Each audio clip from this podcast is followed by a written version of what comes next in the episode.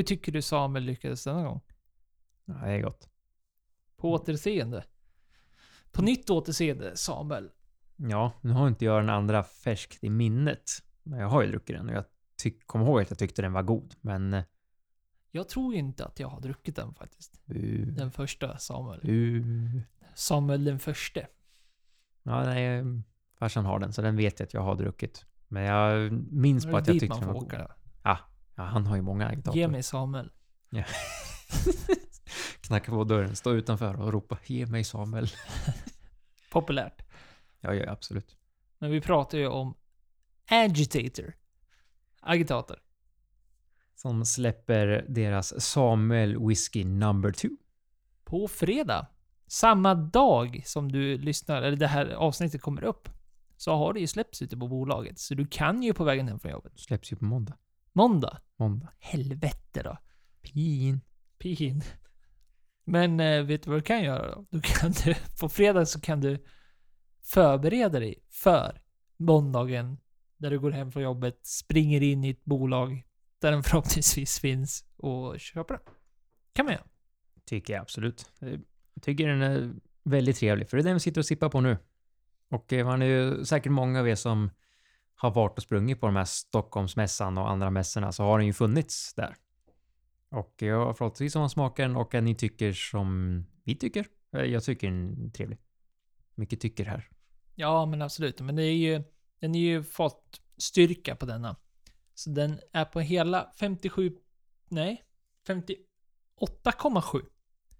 Det är till och med ett komma där. 58,7 procent. Det är ju stark rackare.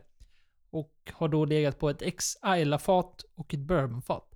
Samuel, Samuel Lindlöf som han heter då, som har gjort den här tillsammans med Agitator, framhäver just det hur, hur röken ska framstå i denna whisky.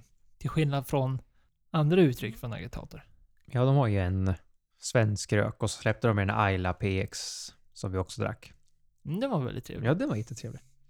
Men det är väl det att de har mycket, alltså deras vanliga singelmalt och eh, argument, småfat och Och kanske kastan. inte det blir till skillnad från, utan snarare addering till den här Ayla, X-Ayla. Gillar man den, då kommer man ju älska den här. Så är det ju. Ja, absolut. Och den är ju som sagt fatstark. Och det är en 70 70s som också är trevligt, lite mer. Eh, och den släpps som sagt 16 10 och kommer kosta 899 kronor. Och eh, jag tycker att det är ett ganska överkomligt pris. Det är en bra whisky. Man har ju druckit mycket som har varit dyrare, som har varit mycket, mycket sämre. Ja, men det, det jag vill hålla med om. Jag tycker 899, 899 kronor är väldigt konkurrenskraftigt. I dagens marknad med en svensk whisky 70 på så... På 58,7 procent. Det är inget annat än bra. Nej, absolut inte. Så att den här tror jag nog kommer gå åt fort när den väl släpps. För att eh, det har ju blivit väldigt hypat med agitator och det är kul. Vi tycker ju om, om det som släpps där. Jag tror inte jag har druckit någonting som har varit så här som har sagt nej, det här var inget bra. Från det destilleriet. Nej, och jag tycker den är bra nu. Och känslan är ju att det här är en whisky som bara kommer bli bättre ju längre han är i glaset. Nu har vi hällt upp lite... Jag häller på lite skvätta vatten för att...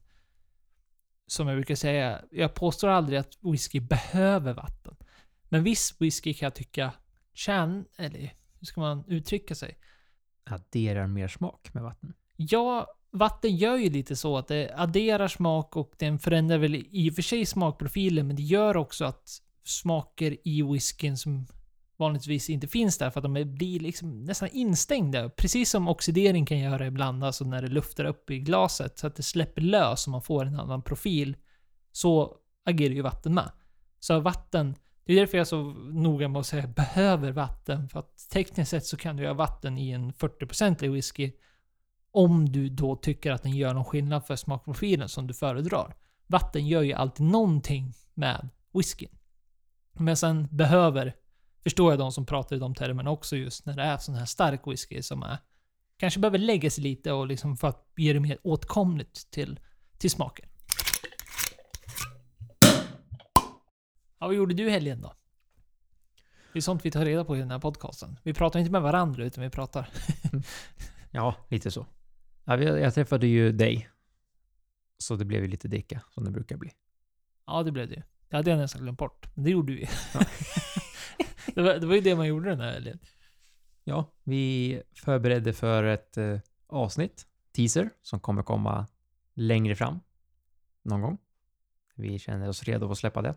Och vi testade lite rolig öl och lite rolig whisky. Det är alltid kul.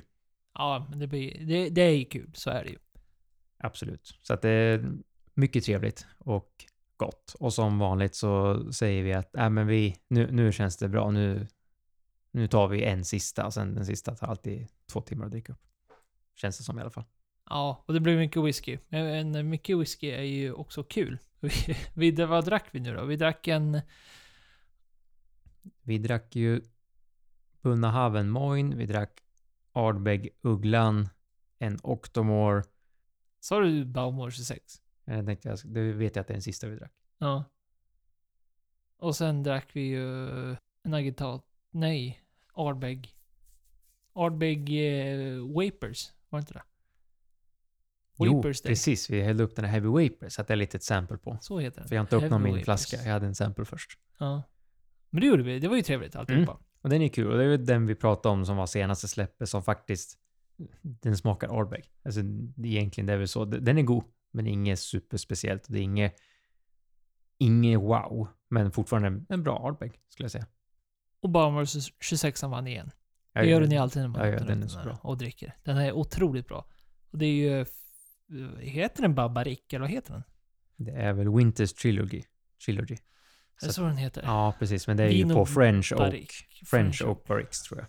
Ja, vi läser ju det. Han har legat 13 månader... 13 månader? 13 år på bourbon och 13 år på fransk ek. Ja, precis. Och den gör ju en väldigt speciell smak. Tycker man inte om slutlagringen på vin, då är det ju en riktigt dålig whisky. För att den, den har fått mycket smak av den och det är ju det är ju fantastiskt. Och det gör ju också att vi dricker den lite sakta för att den får ju den öppnar upp sig så sakta och man får ju sån himla annan smak om man väntar i typ en halvtimme i glaset och bara stå och låta den luftas.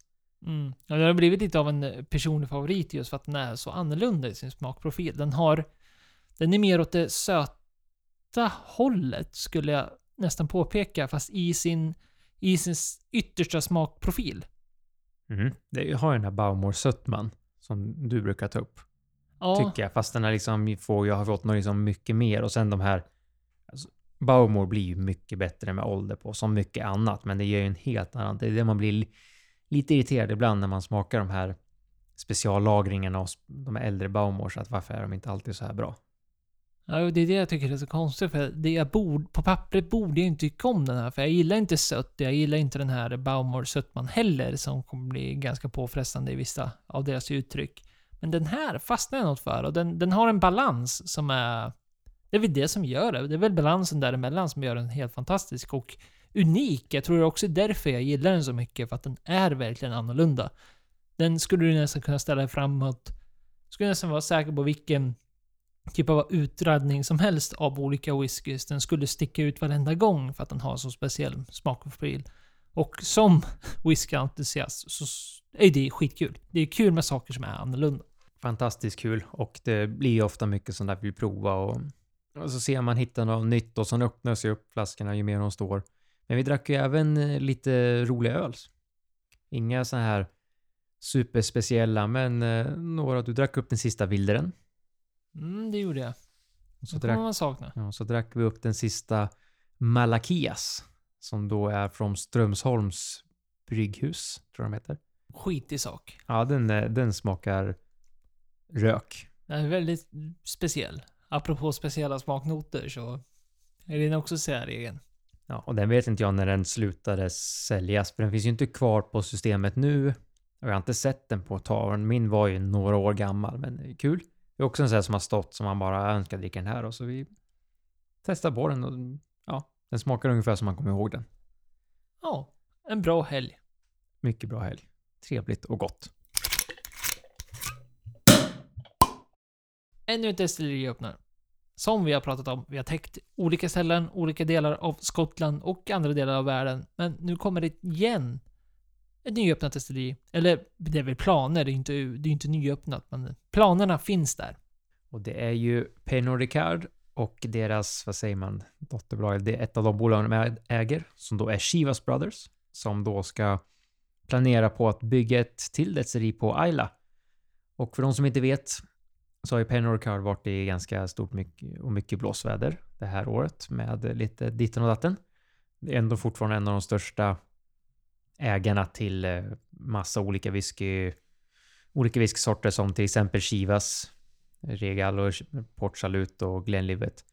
Eh, och det är väl, som jag har förstått det nu, på det här nyöppnade, eller planen att öppna ett nytt destilleri är väl för att säkra piten till, till dem eftersom de inte har haft någon sån aktör inom den koncernen. Så kan man ju verkligen tolka det som att det är någonting för att försöka, försäkra sig för sina pågående produktioner som är bland annat Glenlivet och Chivas Regal. Det är väl de två giganterna, Chivas Regal då som är ju en välkänd... Är det en blend? Det är det va? Ja, Chivas Regal är blend. Sen tror jag alltså Royal Salute är väl typ Chivas, bara att det är en 21-åring. Typ, om jag har förstått det rätt. Det är ju typ samma. Det står väl typ Chivas på den också. Ja, och, och så det är ju... Dels är det ju kommersiellt riktad whisky, alltså till den stora breda publiken. Om inte så kommer det ju säkert vara mycket av den här whiskyn som säkert kommer användas för egen produktion i de stora destillerierna. Som Glenlivet, som säljer ju, vi har ju pratat om det förut, och de har väl en av en av de största exporten i USA va? Ja, jag tror det. Som sagt, det ändras ju typ hela tiden, men det är Chivas är väl en av dem, de här stora. Så tax-free global market också. Alltså om man tittar på många utomlands så finns en eh, Chivas regel 12. Det är väl den vanliga som typ alla har haft hemma någon gång eller köpt eller farmor, mormor, pappa, föräldrar alltså har köpt den där på när de har varit ute och rest för den har kostat typ 300-400 kronor. Alltså den har ju legat sig otroligt billigt för en 12-årig blend. Som då eh, är bra för massan skulle jag säga. Alltså, det var ju länge sedan jag drack den nu, men jag har för mig att liksom den var lätt, len, smakade inte så mycket. Men nu, nu har jag sagt det var många år sedan jag drack den. Chivas 18 har jag druckit fler gånger. För den var också en sån här bra pris. Kostade kanske 700 kronor för några år sedan. För en 18-årig. Även om det var en blend så dålig koll på marknadsandelar och så. Men Glenlivet är ju väldigt stort och i USA väldigt stort som ändå rapporterat om flera gånger. Som även slagit sig in på ready to drink marknaden. Mm, och eh, bara den, och sen vi vet ju portfolien som Pernod Ricard har överlag utöver det här är gigantisk. Så att det är väl en sån här, oavsett vilken typ av marknad de försöker slå sig in på så kanske de... Det, det, det, känslan är väl att det här kommer lyckas oavsett för att det är precis det som du säger. Att de vill, de vill väl åt Ayla-karaktären och försäkra att den kommer vara kvar. Ja, det tror jag också. Men det svåra med det här som ändå en anledning vi tar upp det är att eh, rapportera alla nya destillerier som öppnas och sådär. Det kanske blir lite långtråkigt, men det här att det öppnas så mycket nu.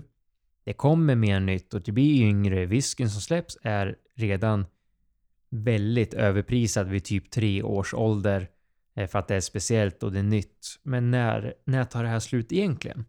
Med tanke på att de eh, pumpar in miljoner på de här destillerierna för att sen köpa tunnor och ingredienser för miljoner för att sedan låta det ligga i minst tre år innan de får tillbaks någon typ av avkastning på den här investeringen. Vilket, vad, händer om tre år eller fem eller sex år? Då kanske den här boomen har lagt sig helt och ingen är intresserad av köpa ny whisky överhuvudtaget. Eller köpa whisky eh, alls. Ja, det räcker, räcker väl med att några tröttnar och boomen lägger sig lite så kommer det ju absolut synas på försäljningssiffrorna. Och det är väl generellt sett kan jag tänka mig är, är tuffare för de här som kanske försöker slå sig igenom på nytt. Alltså helt nya typer av eh, destillerier och sånt där. Men de här som blir backade, som i det här fallet exempelvis, då är det ju, ja men som vi var inne på tidigare, oavsett. Det, det känns som att de här skulle kunna släppa egna uttryck, det skulle kunna gå till helvete, men sen, sen slänger de in det i någon av Pernod Ricards portfolio och gör en blend utav det och kommer få nytta av det. Oavsett. Men det är ju absolut så att det kommer ju... Marknaden kan ju förändras ganska fort. Ja, och det är ju det är den som är en risk för många andra destillerier som nyöppnas som är kanske entusiaster eller mer sådana här intressanter som vill slås in. Det här är ändå Pinot Ricard som har mycket pengar. Som du säger, att de kan slänga in det inom Blend. Och de kanske även till och med kan hålla priserna nere för att det finns pengar från annat de säljer mycket mer av.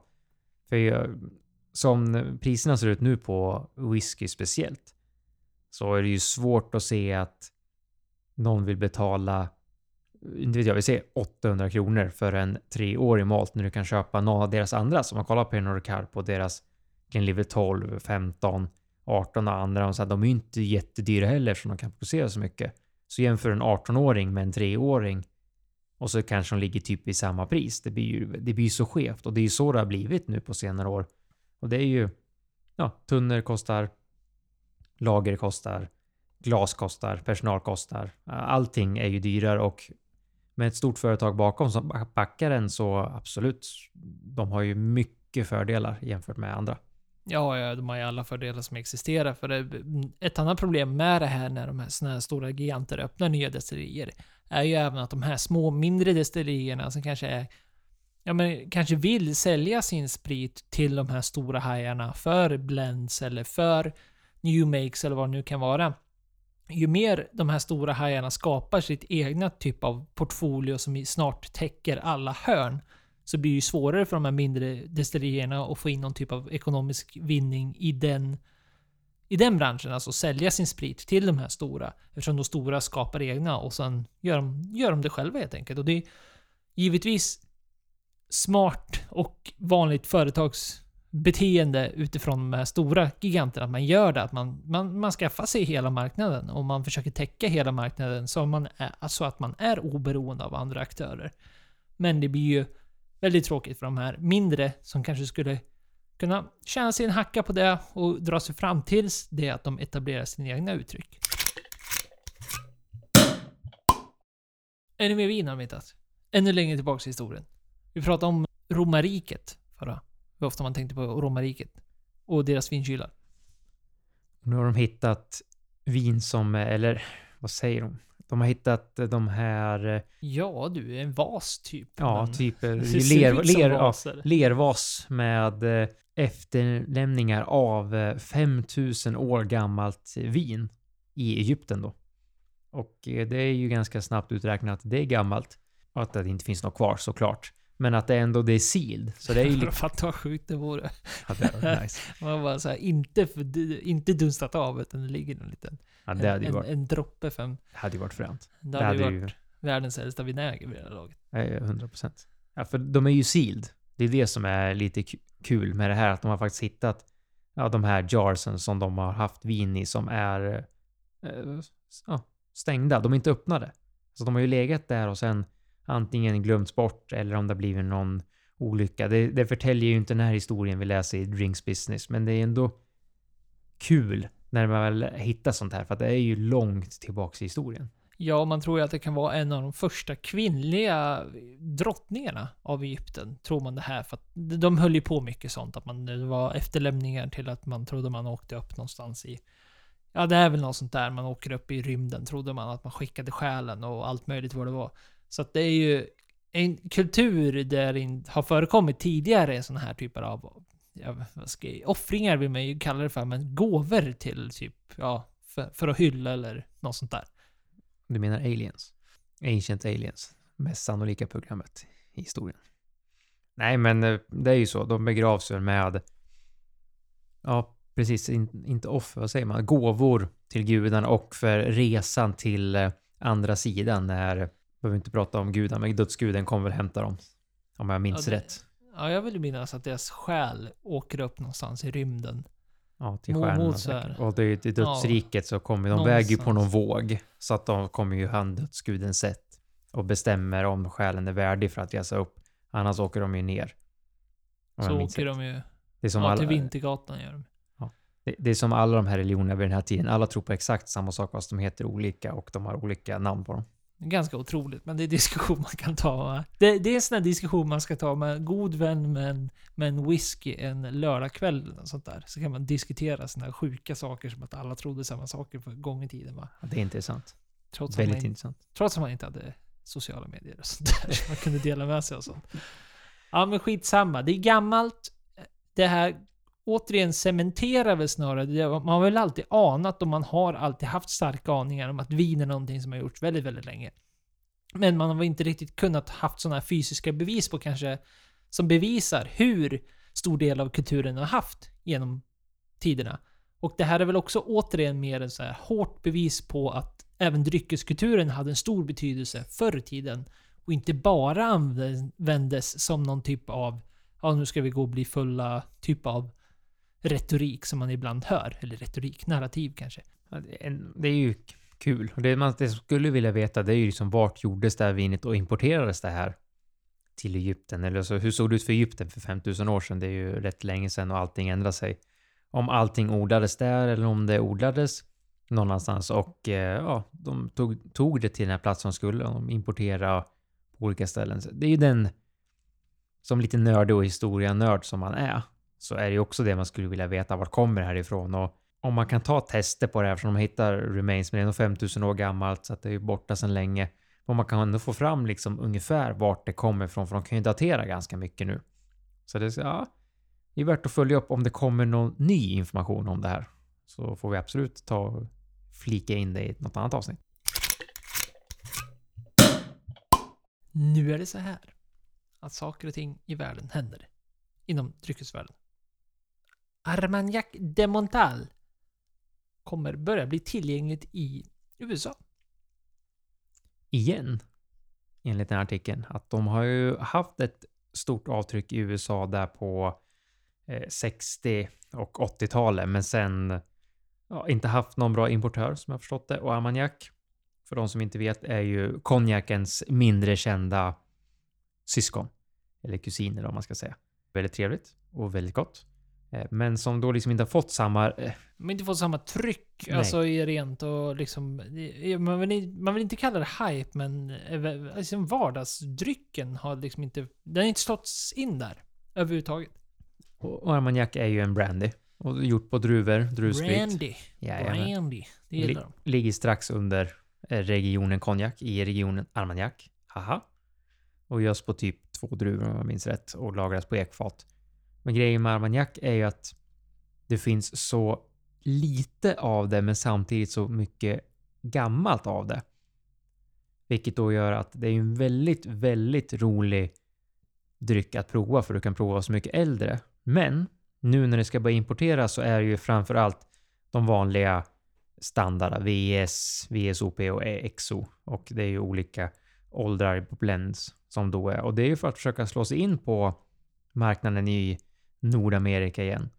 För de som ska börja importera är Benchmark Brewery, eller Beverage Company. Som då även producerar massa annan premium sprit som de själva kallar det.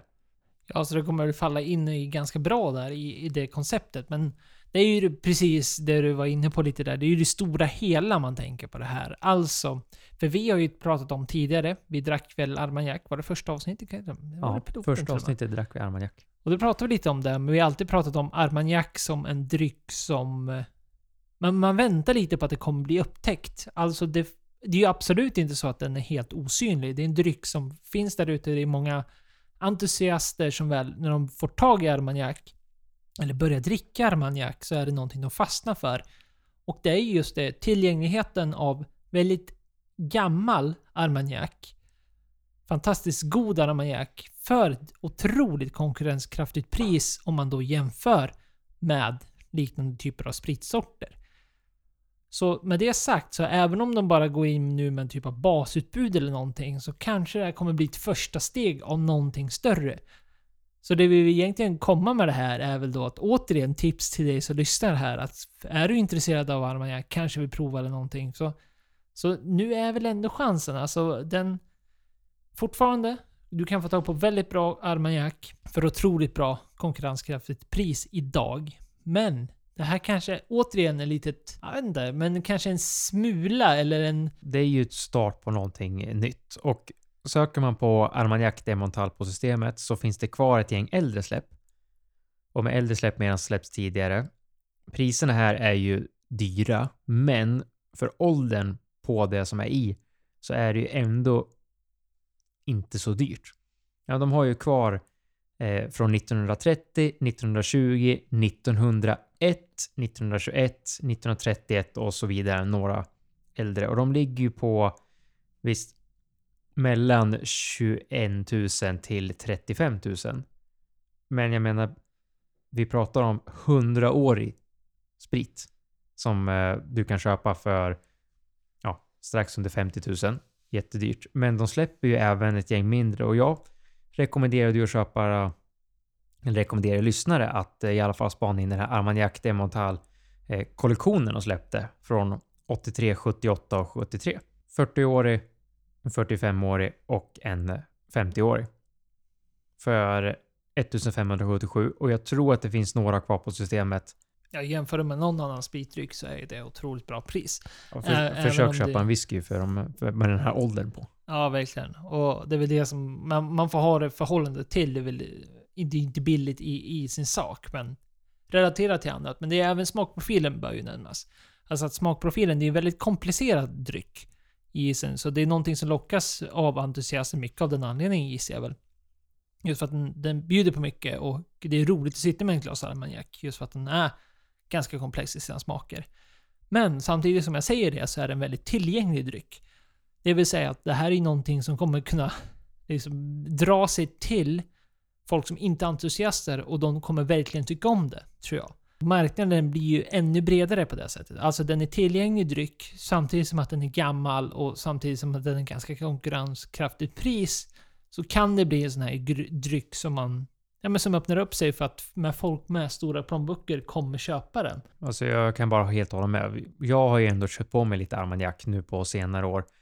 Sen man provade sin första. Just för att det är ett konkurrenskraftigt pris, gammal sprit i och eh, väldigt kul och det är komplext. Fast samtidigt kanske inte jätte, jättemycket. För mycket är ju nedvattnat kan man säga till typ 40 till 43 procent.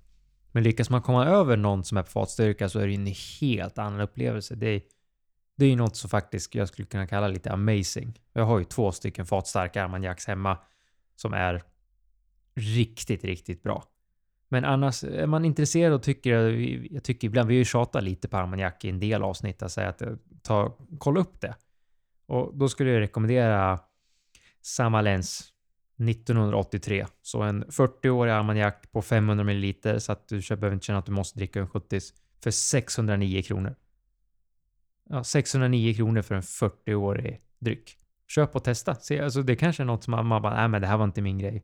Absolut, men det tåls ju att säga och nu när de väl börjar exportera till USA, vilket kanske gör att de blir mer intresserade och då tar de alla de här vinterserna dit. Jag menar, det släpps inte jättemånga av dem för det finns inte jättemycket kvar.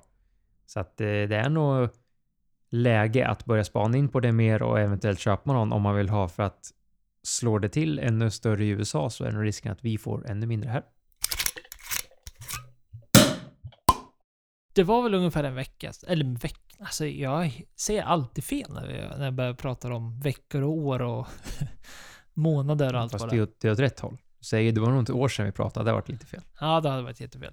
Ja, vi har ju både pratat, men det var väl typ exakt en månad sedan som Socialstyrelsen släppte ut nya rekommendationer till sjuk och hälsovården, hur man då skulle hantera vad som potentiellt skulle kunna vara någon som har problem med sin alkoholintagning. Precis. Jag har för mig att det var där precis när jag åkte på eh, champagnekryssningen och det är typ en månad sedan. Så att, ja, det stämmer nog.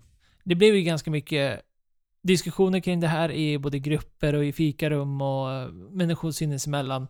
Och vi, vi tänker väl inte fastna så där jättemycket just i den saken, men det lever ju fortfarande kvar det där. Och eh, visst, det är många som gör det med glimten av ögat och man skämtar om att ja, men man får bara dricka tre, tre öl per månad under samma sittning eller vad det är.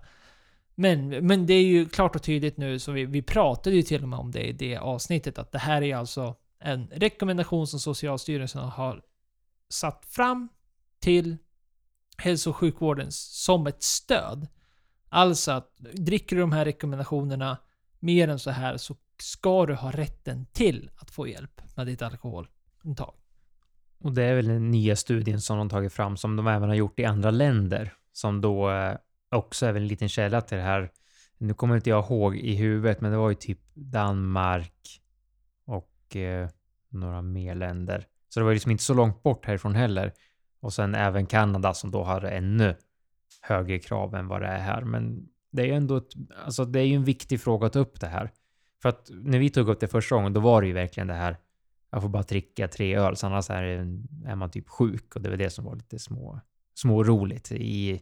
Ja, det var väl snarare det att det var ju så alla rubriker löd. och Det var så många sådana. Många tolkar det ju på det sättet också. Att det här var liksom en rekommendation till konsumenten. Men det är det ju återigen inte, utan det är ju rekommendation till hälso och sjukvården. Så att de har ett stöd, någonting konkret att peka på. Så att de vet vilket typ av... Vilken hjälp de kan ge patienter, eller potentiella patienter. Men det här glider då in till det vi egentligen ville prata om. För att det är nog många som har missat, men det är någonting som heter Nordiska näringsrekommendationerna. Som kommit ut som är nya. Och då blev det här på tapeten igen. Liksom, vad innebär det här? För det här är alltså näringsrekommendationer. Det här är alltså rekommendationer till människor. Alltså till oss medborgare. Som släpps av Livsmedelsverket tillsammans då med ett, ja, så man, man fattar ju på namnet att Nordiska näringsrekommendationer, att man gör det i samarbete med våra grannländer. Men i senaste webbinariet så var vi inne och lyssnade lite på. Och då säger de så här. Eh, det har kommit en fråga till dig Karin. Eh, I de övergripande målen saknas minskad alkoholkonsumtion. Hur tänker ni kring det? Och det tänker jag att vi skulle kunna resonera lite kring också för att det står ju om alkohol i NNR och alkohol har ju varit på tapeten nyligen nu från andra myndigheter också. Hur ska man tänka där? Hur, hur tänkte ni inom eh, regeringsuppdraget kring alkohol? Eh, alkoholen är för oss endast med i målet om att minska energi täta näringsfattiga livsmedel. Det berörs inte på annat sätt än så utan jag tänker också att det kanske kommer in i, i kostrådsarbetet. Jag vet inte hur ni har hunnit tänka Åsa? Nej, och vi har ett råd om alkohol idag eh, och det stämmer ganska bra överens med det som står i NNR, att man ska begränsa intaget av alkohol. Och sen är det vissa grupper som helt bör undvika. Men samtidigt så är det som alkohol har, det är inte bara en fråga om, det är inte bara en nutrition. Utan där är ju väldigt mycket det här med riskbruk och så och det är ju andra myndigheter som jobbar med. Mm. Mm. Så att, och det är kanske därför det blir lite förvirring då när, för det som Socialstyrelsen kom nu det handlar ju om gränser för vad som ska, när man ska erbjuda stöd till Eh, patienter då som har ett riskbruk. Just det, så inte som kostråd Nej, det är inte kostråd. Nej. Nej. Mm. Inte om du vill. Har du någon tanke Hanna kring utifrån NNR? Nej, men, alltså, men just det som, som vi sa nu att, att i, i NNR så tittade vi på det enbart från en hälsosynpunkt om det är förknippat med risk för sjukdom och att, att eh, det då inte, vi såg att det då inte finns någon säker gräns. Eh, för alkoholintag. Ingen, ingen liksom under det här skulle det vara okej okay för hälsan. Utan då, och då fick vi ju säga det, men det är ju som sagt inget kostråd. Utan då, då är det ju myndigheterna i, i olika länder som ska jobba vidare då med att hur ska man säga det eh, till folk. Men, men för hälsan så var det helt enkelt begränsat, det finns ingen säker gräns. Mm, mm. Så där fick vi höra direkt, det var alltså Livsmedelsverket när de hade ett webbinarium då om de nya nordiska näringsrekommendationerna. Och där får vi då svart på vitt att det här med Socialstyrelsen har ju ingenting med råd för, för en medborgare, för, för oss helt enkelt. Utan de rör sig bara om alkohol utifrån nutrition och då finns det ingen nutrition i alkohol och det finns bara negativa synpunkter. Så de kommer inte med direkta råd hur mycket du ska ta i, men de kan inte kalla det för något positivt. Men det, poängen med det här är snarare att man liksom, nu fick man verkligen svart på vitt. Okej, vad betyder det här med Socialstyrelsen? Eftersom det rådde ju tveksamheter, fast det kanske inte borde ha gjort det. Och det klarnade väl upp med tiden. Det var ju återigen, det var ju ganska länge sedan. Eller sjukt att man säger, tycker att det är länge sedan, men det var ju bara en månad sedan. Men... Det är ju lätt att misstolkas och sen är det ju, tidningar är ju tidningar. De skriver ju den rubriken som får clickbaits och det clickbaits är att vi bara får dricka ja, tre enheter eller fyra enheter vad det var. Det blir ju en skev, eh, vad ska man säga, vridning när tidningarna skriver om det, för de vill ju gärna bara eller vill. Det känns som att de inte läser på.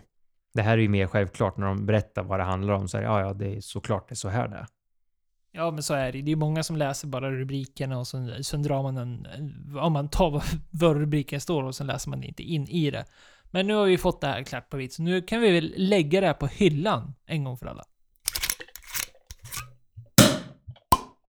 Och apropå saker som händer, så var det ju någonting vi missade i allt detta som man kan göra ibland.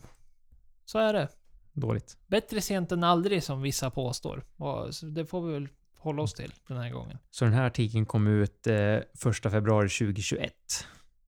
Så att... Eh, Nej, eh, så det är, det är bara egentligen inte ens en månad bort, men eh, ibland missar man. och det är någonting som är ganska nära oss entusiaster. Och i det här fallet så är det att eh, Sprit och vinleverantörsföreningen, SVL som de kallas, som tog fram en branschriktlinje för provsmakning av vin och sprit.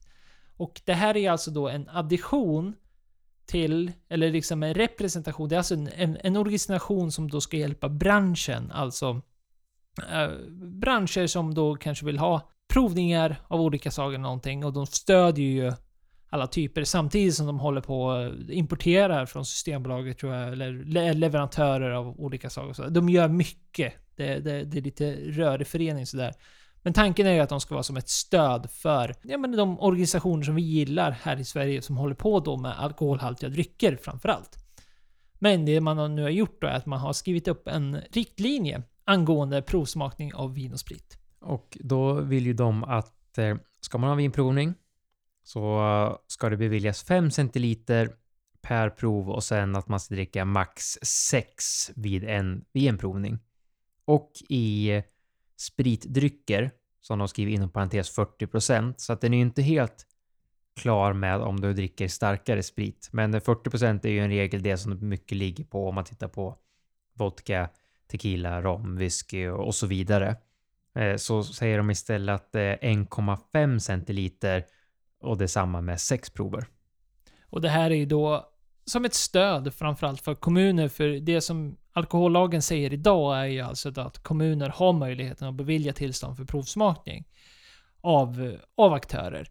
Men det som är så svårt är ju att alkohollagen som vi har stött på för att i den här podcasten i tidigare avsnitt som vi har, som vi har täckt ämnen som Matkravet och vi har täckt gårdsförsäljning och vi har täckt eh, måttlighet. måttlighet, ja. Krav på mat och kök, ja. Mm, och det sa vi först. Ja, Mm. matkravet. Så, Mm, ja, det är samma sak. Ja. Ja. så, får, så lyssnarna är med där. Gå och lyssna på det om du inte gjort det. Och Ja. det, det är mycket av det handlar ju om att vi ska sitta och försöka tolka den här alkohollagen. Och det är inte lätt. Så det här är, tror jag är ett jättebra verktyg just för aktörer som vill ha en provning. Och sen skickar de här till kommunen och kommunen säger nej, men vad, vad, ge, ge någonting. Då kan de skicka med det här direktivet. Som då ändå är, det är ändå rimligt kan jag tycka. Absolut. Eh, ska man dricka stark sprit så alltså en och en halv centiliter till två centiliter är ju lagom måttet om du ska prova flera sorter. Annars är det risk att man blir lite för ja, berusad. Och eh, det vill man ju inte bli om man ska ha en provning i provningens syfte. Och det är ju syftet med det är att du ska lära dig dricka och prova och sen se vad du tycker om. Och jag menar, dricker du tre prover på 10 centiliter på 40 i sprit, ja då kommer du inte komma ihåg det fjärde provningen. Nej, det är ju, handlar ju snarare om kvalitet för kvantitet i det fallet. Och då ett provningstillstånd är ju alltså någonting du kan få som en aktör som du kan hålla en provning utan då... Det är alltså separat från det så kallade serveringstillståndet, vilket innebär alltså krav på mat och kök. Så provningstillstånd är alltså någonting du kan till, bli tilldelad om du ansöker av kommunen så att du kan hålla upp eh, legitima provningar. Och det är jättetrevligt och det är någonting som är otroligt. Jag tror det är många av er som har lyssnat som har gått på såna här. Får man ju se skillnaden mellan det här och mässor och så vidare. Men ja, men det är kul med provningar. Så om vi släpper det nu då. Nu vet vi att det direktiv finns. Det är ju svinbra. Vi tycker det, jag tror du som lyssnar också tycker det är bra att det finns sådana här direktiv som hjälper aktörer för att få ut fler fantastiska drycker ute i, i städerna. Direkt. Provningar tycker vi om. Provningar är kul. Det är riktigt roligt. Ja, det är kul. Och eh, vi har ju själva anordnat provningar för oss själva och tillsammans. Vi, har ju, vi tycker ju sånt är kul och det har varit mer whisky än något annat för att det, det är det intresse vi har haft och det är enkelt att hälla upp fyra till sex olika glas med olika sorter i som vi har provat och vi har provat både blint och vi har provat att veta exakt vad det är. Bara för att se vad, vad vi tycker och vi har ju varit väldigt noga med hur vi har gjort det en del gånger. För att risken när man kör en provning är att du börjar hälla upp och efter ju mer kvällen går så blir de inte lika måttfulla, alla prover längre.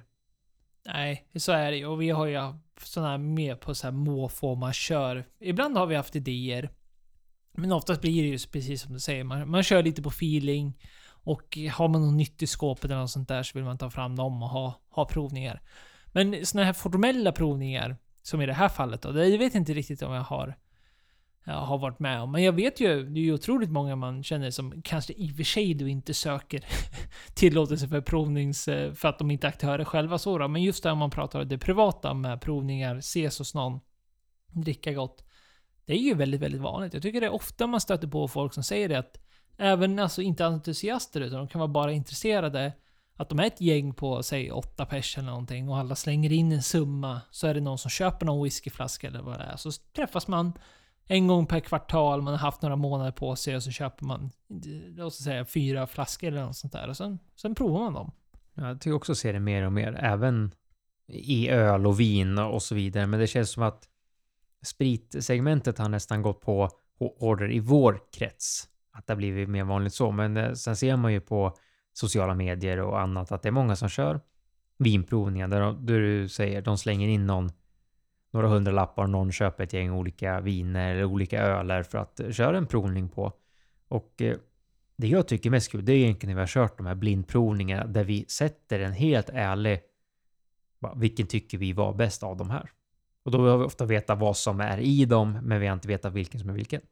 Nej, det är alltid, det är alltid kul och det är absolut någonting man kan rekommendera. att Ha blindprovningar. Och mer än blindprovningar, ha en open mind. Att du försöker inte hitta, utan du tar det här bara, okej, okay, vad tycker jag är bäst av den här line-upen vi provar just nu? För det är lätt att fastna i saker som priser eller Ja men det är framförallt priser, eller priser eller ålder eller någonting. Men eh, låt oss säga nu om vi pratar om whiskyvärlden. Exempelvis då. Vet du att det är något som är riktigt gammalt med den här? Du har en blind uppsättning, du har ingen jäkla aning och du vet att det är någonting som är 12 år och det är någonting som är 28 år. Då är det ju lätt att man tänker att ah, men nu måste jag ju sätta att 28 är den bästa och så vidare. Eller att man tänker, provar man viner så är det lätt att tänka som en priser för att man vet att det finns något dyrare som ligger där och lurar. Och det är ju lite att skjuta sig själv i foten. Jag tycker oftast är det ju så att de, de vinner ju oftast för att priset skiljer ju oftast någon typ av kvalitet. Så att så blir det ju i många fallen. Men var inte nervös över, eller låt dig vara så, så öppen och så ärlig så att du tänker det att nej men den som kostar, låt oss säga 2000 kronor, var faktiskt inte bäst. Jag tyckte att den här för 1200 eller 800 var bättre. Se det bara som något positivt. Snarare än att bli skrämd utav det. Och vi har ju kört massa olika provningar eh, genom åren. Vi har ju kört till exempel Cherry Cask. Det körde vi någon gång med bara fyra stycken blint och det var ju, om man minns rätt, det var typ Abulor Abuna och det var Kilcaran Cherry, så var det typ Berg och typ Kavalan. Kul. Och så har vi kört budgetrök där vi slängde in ett gäng billiga rökare för att testa vilken vi tyckte var bäst där. Och sen har vi ju kört, man, säger, man kan ju köra både och. Man kan köra blindprovning och man kan köra provning på liksom olika sorter inom samma genre. Man kan köra olika, man kan köra vertikalprovning där vi provar olika åldrar, olika, vad säger man, uttryck från samma producent. Det har vi gjort på till exempel Macallan som vi pratar om mycket i den här podden. Testade vi en av deras serier och drack en 10, 12, 15, 18 och då var det ju väldigt intressant för där visste ju vi ändå. Vi, vi sa vi, vi dricker, vi vill veta vad det är. Men hur stor distinkt skillnad det är, det är ju väldigt intressant när det är samma serie, de är lagade likadant, men det är bara en olika ålder på. Och den var ju ganska självklar vilken som faktiskt var bäst. Det var ju den som var dyrast. Vi hoppas ju någonstans att vi faktiskt kan få ordning på någonting där vi kan ta med er lyssnare på en sån här typ av provning. Det blev ju populärt där under Covid-åren. Just för att man inte kunde vara ute på provningar eller mässor eller, eh, eller någonting sånt där. Att eh, det var ju många som då hade att man la ut att man la till något sånt men det blir ju ganska vanliga flaskor om man så att så många som möjligt kan vara med. Att man lägger ut att nej, men vi ska dricka de här. Och så får ju då får man då chansen att beställa hem de flaskorna från Systembolaget. Och sen kör man någon typ av livestream eller någonting där man sitter med och man provar allting tillsammans. Det ja, jag gjorde några sådana onlineprovningar. Jag tycker det är trevligt. Att det, det, är också en, det är ju en bekvämlighet att man är hemma. och kör den på ett sätt. Det är alltid roligare att vara på mässa och på en riktig provning eller man ses några stycken. Men att just det att du får chansen att kunna, som du säger, köpa hem, sitta hemma och prova i lugn och ro och du kan liksom göra hur du vill och du behöver inte vara med och svara på någonting. Du behöver inte sitta bredvid någon. Du kan liksom göra som du vill. Vi måste ju kunna få till någon sån någon gång. Sen utlovar vi väl inte när det ska vara något sånt där. Men det är klart, det kommer ju i framtiden. Det är klart vi vill ha det. Det vore ju svinkul att sitta och prova lite saker med er. Absolut. Och då är det kul att, man kan interaction ändå och vara med och fråga och säga vad man tycker. För det är ju jätteroligt. När vi tar upp provningar måste man ändå säga de här. Systembolaget har ju provningar när de provar viner och öl och sånt där. Som då är gigantiska. När de eh, viner som man dricker så spottar man ju. Jag tror det är samma sak med öl. De testar bara för att se och ge smaknoter så de kan prova över hundra på en dag. Och vi har ju kört någon mastodontprovning när vi ändå har vi har inte spottat för vi, vi har druckit whisky och vi har testat dem. Men hur intressant det är när vi, när vi har testat sådana där och druckit och vet antingen vad det är eller när vi inte har vetat vilken som är vilken och vi har satt ärligt betyg. Vi hade ju en Ardbeg-provning, det rack typ 16 Ardbegs på en dag i fyra olika flighter med jag vet inte hur många timmars mellanrum det var. Vi började hyfsat tidigt strax efter lunch och höll på till kvällen. Så det var ju liksom inte som man drack 16 på rad och sen var det klart. Men där var det ju ändå... Allt var ju blint. Vi visste vilka som var i varje flight och vi visste inte vilken som var vilken. Och det, det är ju en kul, för då satte vi väldigt ärliga betyg eftersom vi satte dem lite i prisordning eller i slutlagringsordning. Men det, det gör ju en... Det gör en ärlig, för vi har ju varit väldigt transparenta. Vi tycker Ardbeg gör bra whisky, men vi tycker även att en del av det de gör är inte bra. Alltså det är absolut att rekommendera om du har någon favoritproducent att göra något liknande. Veckans släpp, veckans släpp, veckans släpp. Det kanske blir ett långt veckans... Nej, det blir aldrig ett långt veckans släpp. Nej. Nej. Men jag dundrar igång oavsett så får vi se vad, vad, vad det här leder oss. Och jag börjar nog med den, kanske, jag, länge sedan jag var så här jag vet inte, taggad på ett släpp. Eller taggad är nog fel ord, men liksom uppmärksammad Tycker ofta du är taggad på släpp? Ja, man är, man är ju det. Men det här är speciellt. Den här är speciell. Och det är Glen Scotia, alltså whisky från Cabletown, som släpper en nummer etta i en ny serie. Och den här kallas då för Release Number One, The Mermaid 2023. Som kostar 1169 kronor det är en 70 på 54,1%. Anledningen varför jag lägger märke till på det här och tycker det är stort, det är ju att Campbelltown har varit hypat ganska länge. Glen Scotia gör väldigt bra whisky. De har gått all in med den här. Första släppet som de har då i samarbete med eh, Joel Holtzman som är då en illustratör som eh, fokuserar just på sån här fantasy och eh, kanske mer gammelmodiga typer av bilder och den heter ju The Mermaid, alltså en mermaid på, det är väl inget konstigt. Men det, är det han man kunna eller en sjöjungfru som det kallas på svenska. Det finns ett stort intresse för investeringar av whisky, serier och allt är bra. Nummer etten är alltid bra, så det är nu jag önskar att det kanske skulle vara en sån. Och den här träffar bra på alla sätt. Det är alltså Dels Green Scotia, Campbelltown som jag sa, det är hypat, det är bra. De har tagit in en illustratör så att lådan är, ja men den ser bra ut rent estetiskt. Det är Cask Strength 54,1 så du får entusiasterna. Den är på 70s det är Natural Color, det är Non-Chill Filtered och det är en Limited Edition och den är 12 år. Den tickar många lådor den här och inte för att det vore nog så är den slutlagrad på Palo Cortado som är en cherry. Och det är en väldigt speciell cherry som är lite udda för att den görs på att man försöker göra en fino eller amontillado men det går åt helvete lite så. Så att den börjar oxidera. Och då blir den lite mer likt en Oloroso i sin avrundning. Så det är alltså en väldigt speciell cherry som görs då på händelse av att det går illa när man försöker göra en en Fino eller en Amontillado. Priset är väl, ja, det är väl inte billigt med 1200-ish, men det är å andra sidan inte det dyraste heller. Det är nummer ett, det är limited edition. Det är en serie som kommer fortsätta, så att det kommer säkert gå upp i pris för investerarna. Ja, stort släpp. Så hur mycket har Glenn Scotia betalat dig för att nämna allt det här och hypa den här till skyarna? Kommer det ta slut va?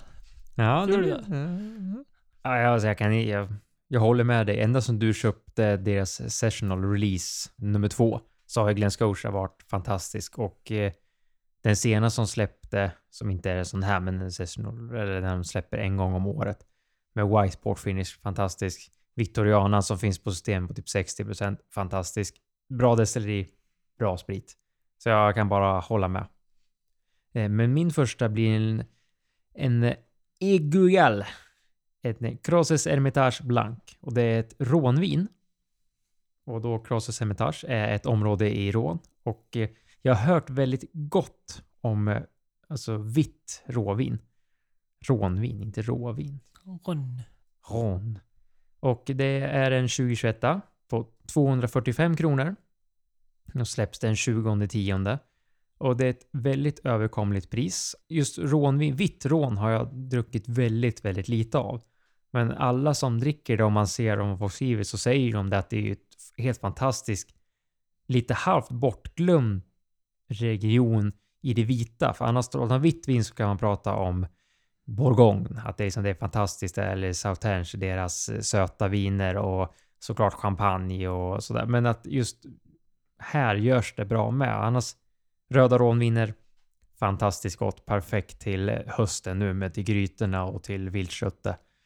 Men eh, jag måste slå slag här för 245 kronor för en 70 absolut eh, värt pris och Egugal en bra, en bra, inte en producent, vad säger man?